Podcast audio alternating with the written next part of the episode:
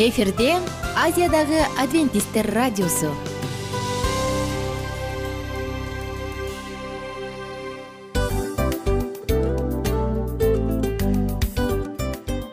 Достор салют. Баардык сүйүктүү угармандарыбызга салам айтабыз. Кутман күнүңүздөр менен.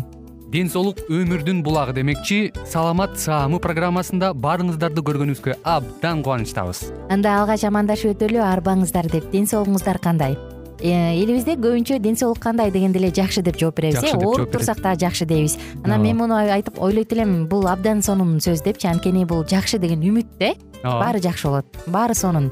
Деп үмүттөнүп атып эле өзүбүздү өзүбүз дарылап коебуз. Анысы кандай? Сиздин дагы ден соолугуңуз жакшы беш деген үмүттөбүз чындыгында ден соолук бул өмүрдүн булагы деп бекеринен айтылган эмес деп ойлойм. Кыргыз элинде анткени эгерде ден соолук жок болсо анда адамдын жашоосунда калган баардык керектүү маңыздуу нерселер өзүнүн баалуулугун жоготуп коет. Ошондуктан ден соолук бул эң керектүү нерсе. Ооба туура айтасың кесиптешим. Чынында ден соолугуң жок бир эки үч күн ооруп калсаң эле кандай болуп калат? Жашоодо көз каранды болуп каласың көп нерсеге жетишпей каласың көп нерсени кыла албай каласың жада калса эшикке дүкөнгө да чыга албай каласың. Туптуура анан ден соолук болсо демек биз биздин бактыбыз тоодой деп койсок болот. Анда достор саламат саамы рубрикабызды баштайлы. Алдыда өзүңүзгө керектүү болгон сонун кеңештерди уга аласыздар. Мына ошондуктан биз менен бирге болуңуздар. Ал эми биз болсо милан жана айнура. Кеттик алга. Алга саламат саама ден соолуктун жарчысы. Саламат саама ден соолуктун ачкычы. Күн сайын сиз үчүн мыкты кеңештер сонун жаңылыктар кызыктуу фактылар биздин рубрикада.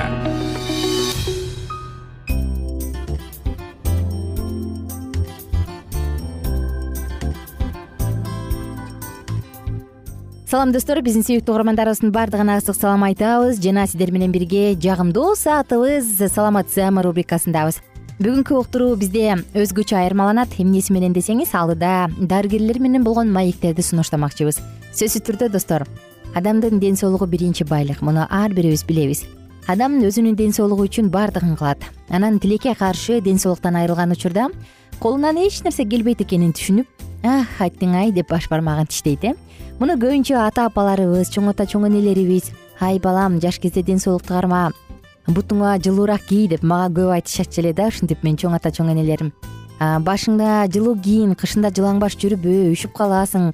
Ай кызым жуунуп алып эшикке чыкпа деген сыяктуу көп кеңештерин айтчу эле. Албетте биз булардын көбүн кулагыбыздын сыртынан кетирип коебуз бирок чындыгында кенедей кезибизден баштап ден соолукка туура кам көрүп туура тамактана турган болсок анда канчалы деген оорулуу коркунучтуу оорулардан алыс оолак болобуз. Жана албетте иштеп тапкан акчабыз дары дармек эмес өзүбүзгө өзүбүздүн жеке муктаждыктарыбызга жумшалат ошондуктан достор мен каалайт элем ар бир угарманыбыз жашоодо туура тандоолорду жасап ден соолугунун камын көрүп жүрөгүндө тынчтыкты сактап стресс депрессиядан ашыкча тынчсыздануудан алыс болуп көп нерсени жаратканга ишенип тапшырып коюп жашоодо мындай бактылуу күндөрдө жыргалчылыкта жашаса деген үмүтүм бар алдыда биз сиздер менен дарыгерлер менен болгон маектерди сунуштайбыз сиздерге. Жана сөзсүз түрдө бул уктурууларды уккан соң өзүңүзгө тыянак чыгарып мүмкүн ден соолукта кайсы бир жерине ремонт жасап э баягы тамашалап айтканда кайсы бир жерине көңүл буруп кайсы бир жери кыйкырып жаткан болсо мага көңүл бур деп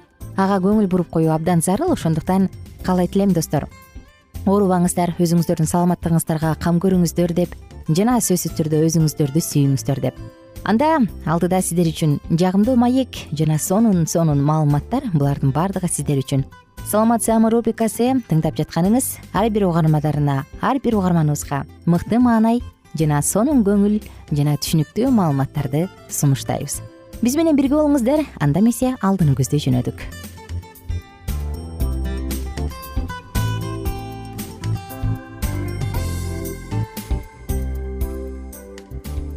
салют достор. Жалпы биздин угармандарыбызга ысык салам айтабыз. Сиздер менен бирге биз бүгүн дагы ден соолукка байланыштуу бир сонун маселелерди көтөрүп чыгалы деп чечтик.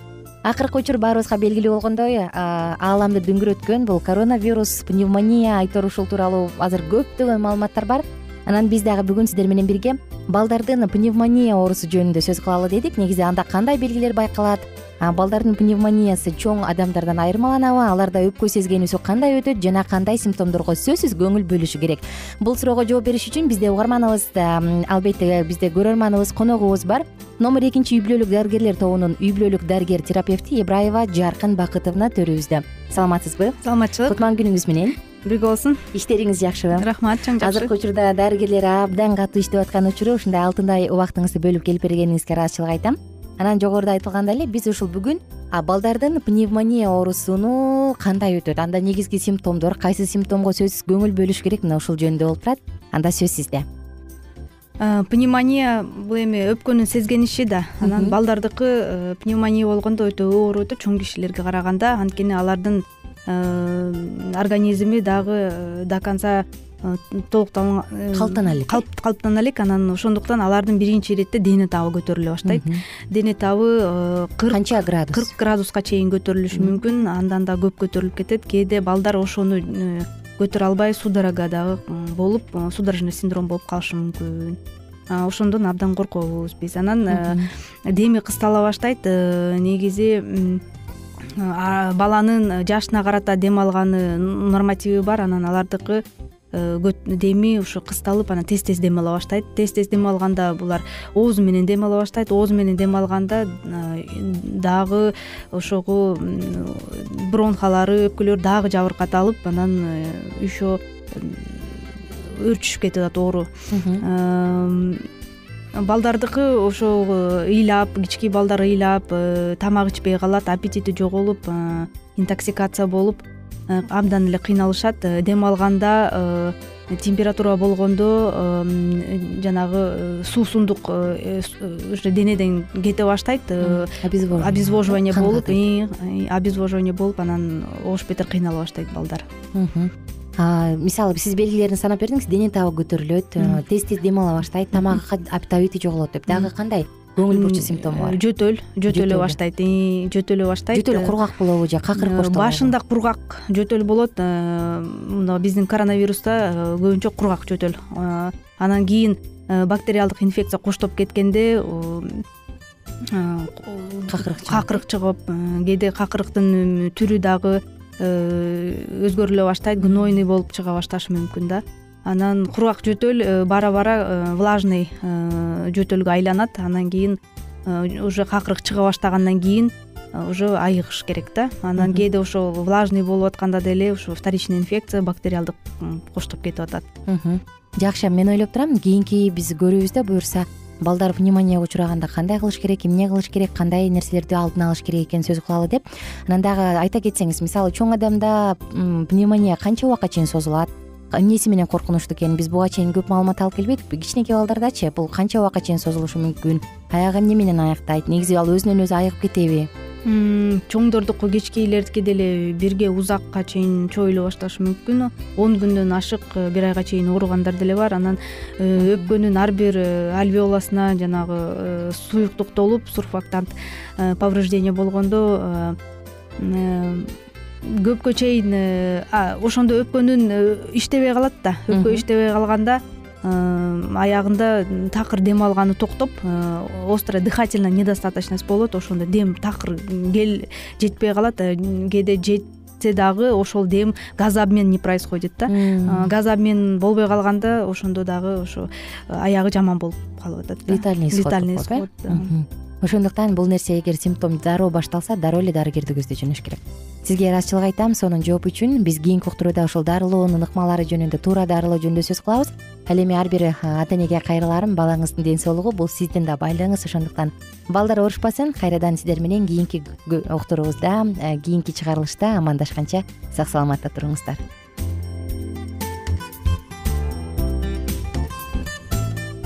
кененирээк маалыматтар үчүн үч w чекит саламат чекит клуб сайтына келип таанышыңыздар. Жана андан тышкары социалдык тармактарда youtube facebook жана instagram баракчаларына катталыңыз. Саламат саама ден соолуктун жарчысы. Саламат саама ден соолуктун ачкычы. Күн сайын сиз үчүн мыкты кеңештер сонун жаңылыктар кызыктуу фактылар. Биздин рубрикада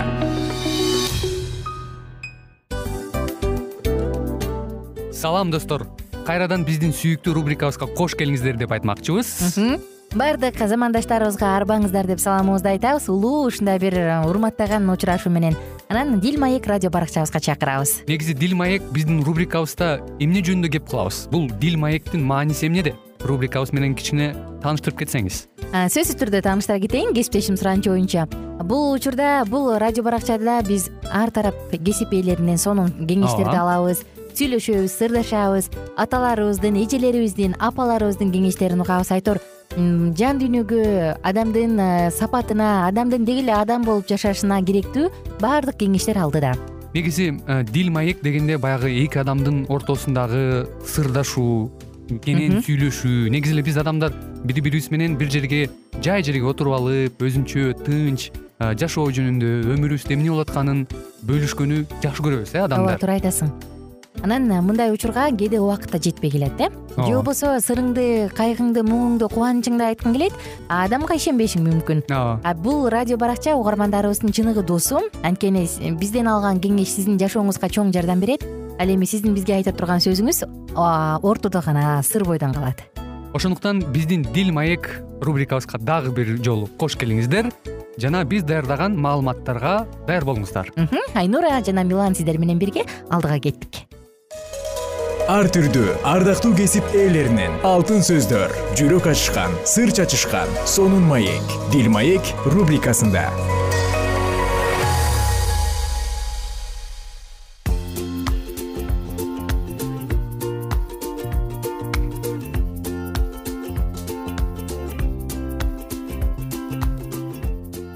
Салют достор кандайсыздар угармандар? Жалпыңыздар менен амандашып биз кайрадан жагымдуу саатыбызды баштадык.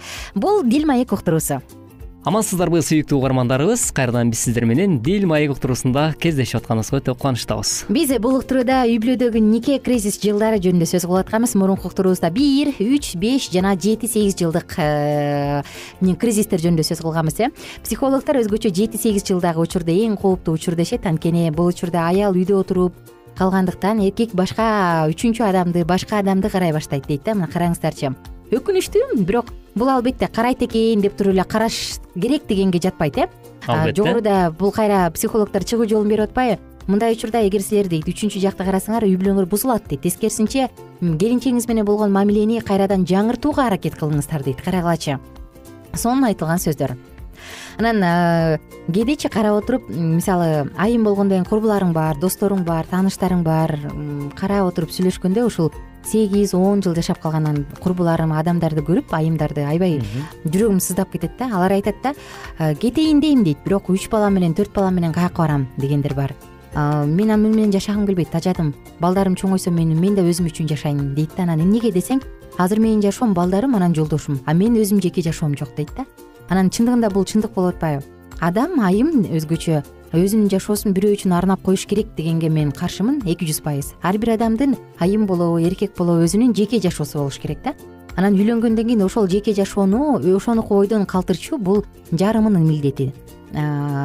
Ал эгерде спорт менен кызыкса ооба алтыным жаным сүйгөнүм мына спорт бул сенин кызыгуң бул сенин милдет сенин каалооң өзүң бил кааласаң андан ары машык каалабасаң таштап кой эгерде бир дагы башка бир кызыкчылыгы болсо ооба бул сенин кызыкчылыгың мен буга кийлигише албайм деп э ушул сыяктуу сый менен мамиле кылсачы мен ойлойм мындай деградация айымда дагы эркекте дагы болбойт болуш керек. Ооба сөзсүз түрдө туптуура айтасың кесиптешим. Негизи эле ошол э, биз буга чейинки программада айтып өткөнүбүздөй эле э, сөзсүз түрдө ошол үй бүлөдөгү атмосфераны өзгөртүүдө э, бул мен мындан кийинки программада да айткам ошо сөзсүз түрдө бул эркек көбүрөөк ошол үй бүлөнү никелик жашоосун сактап калууда жубайына көбүрөөк жоопкерчилик э, алып анан э, мындай мамиле курганга өтүш керек депчи. Эгерде мамиле болбосо сөзсүз түрдө баягы көңүл чөгүүлөр көңүл калуулар албетте болот анткени аялдын психологиясында бул аял киши дайыма эркектен мамилени күтүп турат. күтөт да. А эгерде мага ушул жерден суроо жаралып кетти сага бергим келип турат. Эгер эркектен күтсө күтсө бирок эркек таптакыр көңүл буруусун бербесе мамилесин түзбөсө мындай аракет кылбаса ага баары жагат ушул эле ойдон калсын деген немеде болсо аял болсо эмоциональное выгорание деп коет го эмне мындай күйүп бүтүп бараткандай сезсечи анда эмне кылыш керек ооба абдан жакшы суроо бердиң. Э, негизинен эле баягы эгерде э, жубайынан күтүп атса эркек такыр эле көңүл бурбаса өзүң айткандай жогорудачы анда аял дагы ойлонуп көрүш керек деп мен ойлойм да. Аял да ойлонуп мен кайсыл тараптан балким ушул жолдошума карата болгон толук кандуу милдетин балким аткара албай жатамбы? Менин тараптан кандайдыр бир кемчиликтер бар деп дагы ойлонуш керек деп ойлойм да. Ошол аялы ойлонгондой эле эркек деле ошондой ой жүгүртүш керек бул жерденчи сен бир уктуруубузда айттың элең адамдын э, чоңоюп тарбияланган үй бүлөсү дагы абдан маанилүү экен депчи. Мен ушул жерге эле кайра кайткым келип атат эгерде э, ал адамдын үй бүлөсүндө бул нормалдуу нерсе болуп келген болсо анда ал эч качан аны бере албайт окшойт деп ойлоп калам да. А эгерде ал адамдын үй бүлөсүндө таптакыр башкача көндүмдөр бар болсо кандайдыр бир ыкмалар бар болсо анда өзгөрүп а менин атам ушунчу же менин апам ушунчу деп ал аны кыйнабасаң деле өзү кылат го деп ойлоп калам. Мына ушундай. Мисалы бир жубайларды билем сегиз балалуу. Алар айына бир жолу бири бирине толугу менен убакыт бөлгөнгө аракет кылышат экен. Эми сегиз бала бул сегиз баланын түйшүгү ичкен жеген тамагы аларга кам көрүү бул өтө эле чоң олуттуу аябай эле оор чындыгындачы. Анткени бир эки бала менен эле ишибиз болуп калат э биздин. Ооба. Анан аларды карап отуруп туруп абдан баа берем да жолдошуна баа берем азамат деп. Ал айтат сегиз баламан арткан айлыгым өтө эле аз дейт артпай да калат дейт. Бирок ошентсе дагы жок дегенде мындай забегаловка деп коебуз го биз кичинекей мындай жөн эле эптеп эле отуруп тамактанчу жай болсо да мен келинчегимди алып барам да ушул жака болсо да тамак ичебиз дейт. Такыр болбой калса бир бир балымызды дагы алып берип экөөбүз сейил бакта басып сейилдеп алтыным кандайсың? Эмне менен жашап атасың? Кандай жүрөсүң? деп көңүл бурабыз дейт да. Анан бул алардын жыйырма алты жылдык жашоосунда мындай көп жолу тажрыйбаланган экен анан ал адам айтат ушул деңгээлге жеткенче менин келинчегим абдан көп көз жашын төктү депчи. Анан мен ушуну түшүнүп а көрсө буга мамиле буга көңүл буруу керек турбайбы? дегенчекти дагы бир нече жылдар өттү. Анан акырындык менен азыр биз бул нерсени ушундай бир ыкмаанып көнүп практикалап келатабыз депчи анысы кандай бул да маанилүү. Жети сегиз жылга көбүрөөк токтолгонубуздун себеби да ушундай э.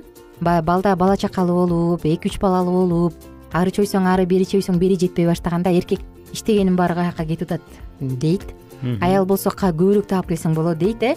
Анан бала үйгө келсе эле баягы үйгө келсе эле мен дагы бир айымдардын бир кемчилиги же кетирген катасы деп айткым келет да үйгө келсе эле э кандай иштеп келдиң? дебестен эле ай бул балаңдын буту жыртылып калыптыр ай суу кирип атат ооруп калат да алып бериш керек деп э мындай үйдөгү көйгөйлөрдү дароо айтса эркек бул жагымсыз үйдөн кача баштайт да. маанайы да түшөт. Ооба анан андан көрө баягы сонун ыкма бар го. Эгер жөн эле атака кылып койгон э жөн эле.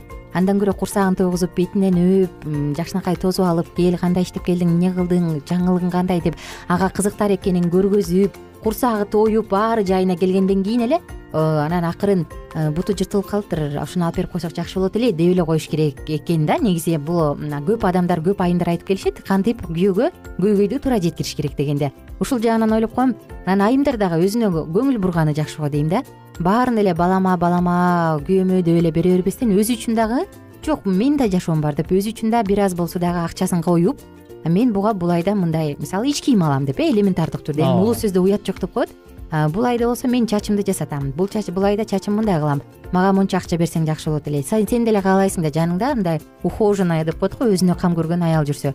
Деп өзүнө дагы өзүн дагы сүйгөндү билиш керек депчи. Анан үйгө келгенде баягы эски халат тизеси чыккан шым жуулбаган башы май жыттанган баш менен тосуп алса анда эркек эки жакты карайт го дейм достор мына ошондуктан биз кийинки уктурууларыбызда дагы ушул темаларга кайтабыз. Азырынча болсо сиздер менен коштошом. Күнүңүздөр көңүлдүү улансын. Бар болуңуздар жана бай болуңуздар.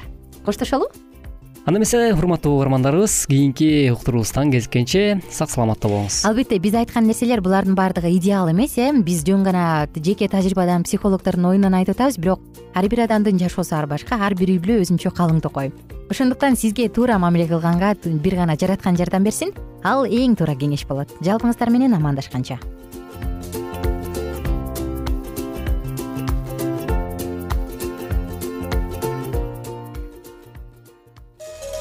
ар түрдүү ардактуу кесип ээлеринен. Алтын сөздөр жүрөк ачышкан сыр чачышкан сонун маек. Дил маек рубрикасында.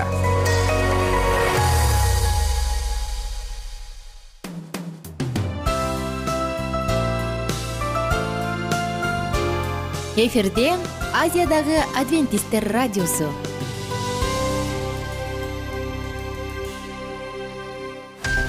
жан дүйнөңдү байыткан жүрөгүңдү азыктанткан жашооңо маңыз тартуулаган жан азык рубрикасы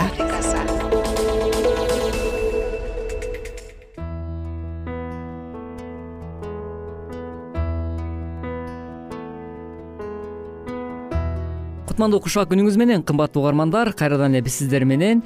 Э, бүгүнкү уктуруубузда сөздүн күчү туурасындагы темабызды кайрадан улантмакчыбыз кесиптешим айнура жана ошондой эле мен улан кызматыңыздардабыз салам достор. Баардык угармандарыбызга ысык салам айтабыз. Жан азык рубрикасы демек жан дүйнөбүздү азыктандырып бүгүн дагы сөздүн күчү канчалык зор экендиги жөнүндө сөз кылалы. Угармандар жалпыңыздарды жыштыгыбызга кош келиңиздер деп чакырабыз. Анткени ар бир адам сүйлөшөбүз э? Ар бир адам сөздүн негизи менен жашайбыз. Ар бир адам сөзгө ишенип жашайбыз. Убада берген мындай деп айтты сүйөм деп айтты жаман көрөм деп айтты урушту жакшы сөзүн айтты мына мунун баары тилдин негизинде тилдин деңгээлинде боло турган нерсе ошондуктан сөздүн күчү канчалык деңгээлде күчтүү. Мына бул тууралуу бүгүн дагы уктуруубузда сөз кылалы ооба сөзсүз түрдө биз буга чейинки уктуруубузда дагы сөз кылгандай э, ошол эле ыйык жазууда жакыптын э, китебинен окуп бергенбиз. Э, ал жерде ушул тилдин деги эле тилди эч бир адам багындыра албастыгы туурасында сөз болуп өткөн. Чындап эле кичинекей эле дененин мүчөсү болгон бул тилди эч ким эч убакта ооздуктай албайт эмеспи. Анткени биздин тилибизден ар түрдүү ойлор жана ар түрдүү сөздөр заар тил заар сөздөр баягы чыгып кетиши мүмкүн да. Туп туура ошондуктан э, буга чейинки программада мен айткам ошо аюп аттуу пайгамбарды айтыптыр менин тилиме буктурма кой депчи. Ооздуктогой деген экен да. Э, андыктан э, биз дайыма ушул жараткандан теңирибизден кудайдан сурап айтышыбыз керек экен да. Мен кандай тилде сүйлөп жатам кантип мен кандай сөздөрдү колдонуп жатам ушуга көңүл бурайын Э, оозуман жаман сөз чыгып кеткен жокпу каргыш сөздөр чыгып кеткен жокпу деп э, маани беришибиз керек экен.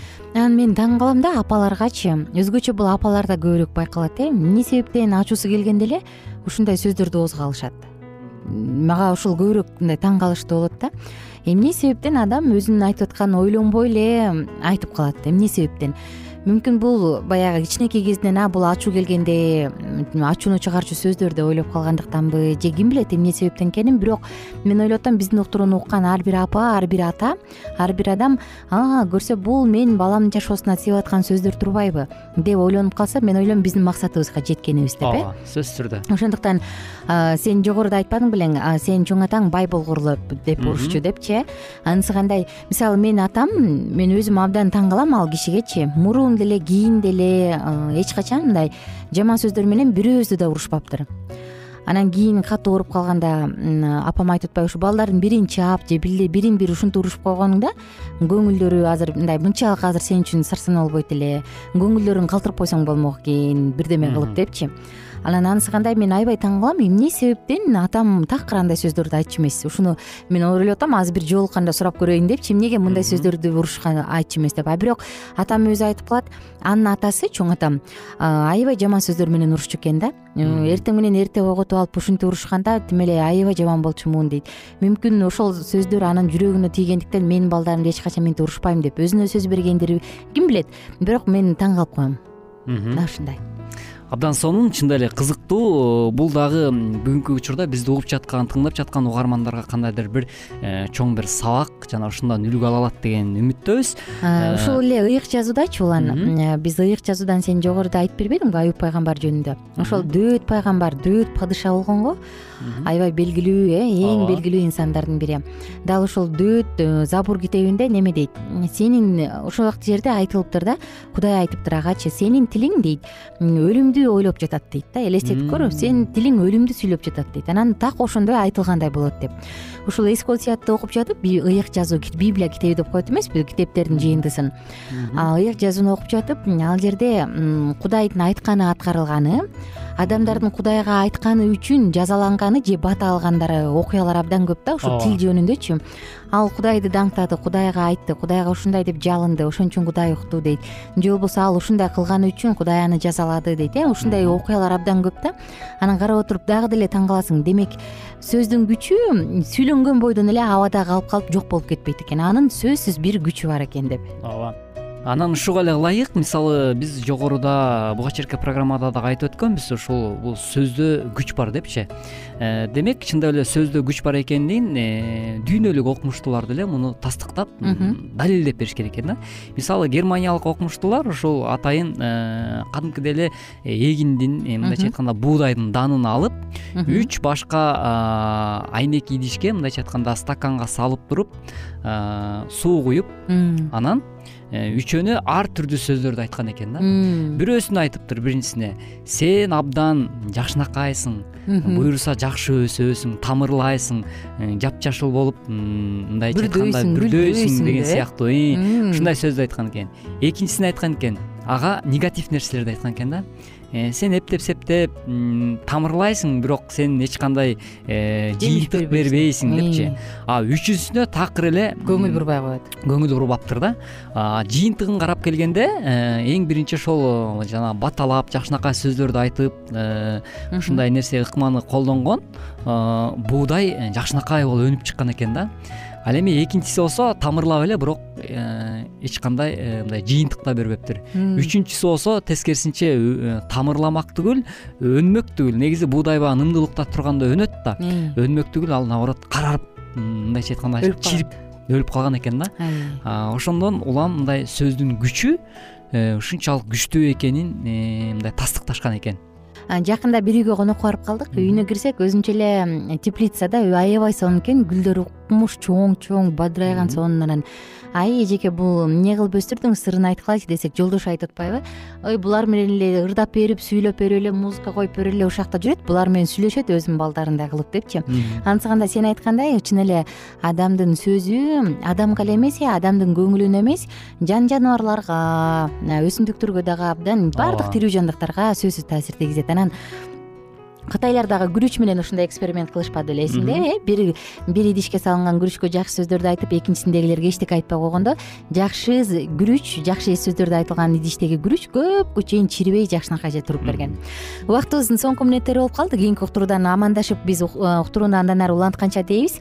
Жана күнүңүздөр көңүлдүү улансын. Анда эмесе урматтуу достор кайрадан ушул ободон үн алышканча амандыкта болуңуз сак саламатта туруңуздар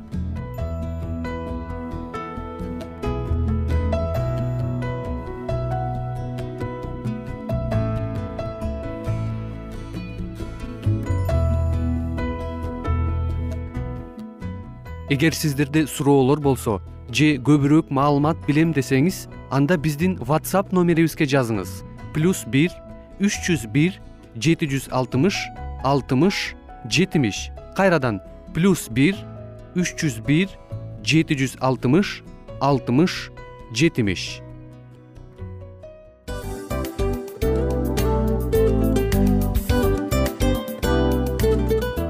ушул менен достор программабыздын уктуруубуздун эң кайгылуу мөөнөтүнө келип жеттик. Кайгылуу дегенде ыйлагым келип кетти кесиптеш. Кадимкидей. Анткени баягы учурашасың анан коштошуу учур келгенде ии кантип ии эми эми келиптир э сагындырбай деп атып араң коштошобуз го? Анысы кандай угармандарыбыз менен коштошчу учур келди. Кийинки уктурууларды сагыныч менен жүрөгүбүздө кусалык менен күтөбүз жалпыңыздарды анан жарым сааттык уктуруу көз ачышым канча өтүп кетти. Сөзсүз бирок бизде жакшы кабар бар. Кийинки уктурууларыбызда сөзсүз дагы кезигишебиз. Анткени биз көптөгөн сюрприздерди кызыктуу маалыматтарды жана керектүү керектүү нерселердин көбүнчөсүн даярдадык.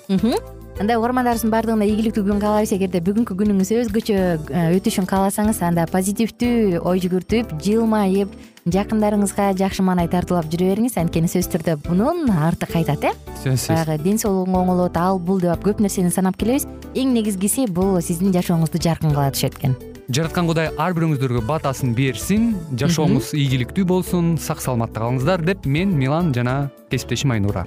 Баардыгыңыздар менен кийинки уктурууда үн алышканча. Баарыңыздарга ийгилик каалайбыз